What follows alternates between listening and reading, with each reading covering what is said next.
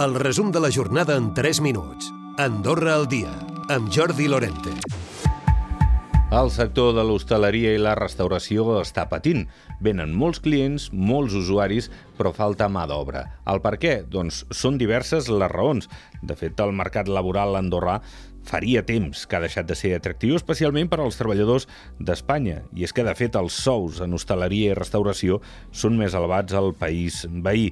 Des de la Unió Hotelera, Jordi París, el seu president, reconeix que els sous que s'ofereixen no són competitius, però, a banda, hi ha d'altres favors que juguen en contra d'Andorra. Hi ha diferents factors que afecten a la competitivitat. Un pot ser els salaris, l'altre la, la temporalitat, però l'altre també doncs, que Andorra no des de ser un destí car en quant al, el nivell de vida que té i després doncs, hem d'anar a topar també contra el gran problema que, que se'ns ve quan, quan parlem de les persones que han de venir a treballar aquí, que és el tema de l'habitatge. D'altra banda, encara parlant de treball, durant el primer trimestre de l'any s'ha tancat en prop de 37.800 autoritzacions en vigor, creixent prop d'un 4% en un any. També augmenten més del 4% els permisos de residència simple i de transfronterers. I d'altra banda, pel que fa al registre de comerços, continua a l'alça. S'assoleixen xifres mai vistes.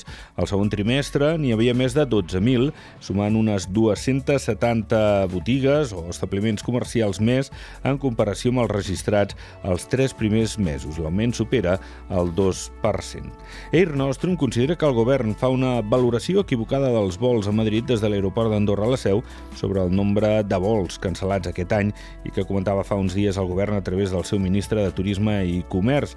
Torres deia que s'havien anul·lat el 20% dels vols, el 13% dels quals per raons meteorològiques.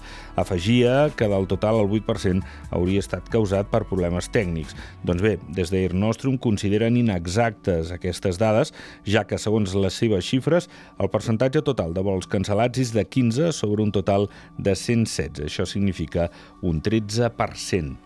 En Camp ha començat la demolició de dos edificis situats a l'Avinguda François Mitterrand, prop de l'antic hotel Rosaleda. Estaven buits de feia anys i una empresa especialitzada s'ha encarregat de retirar-ne l'amiant.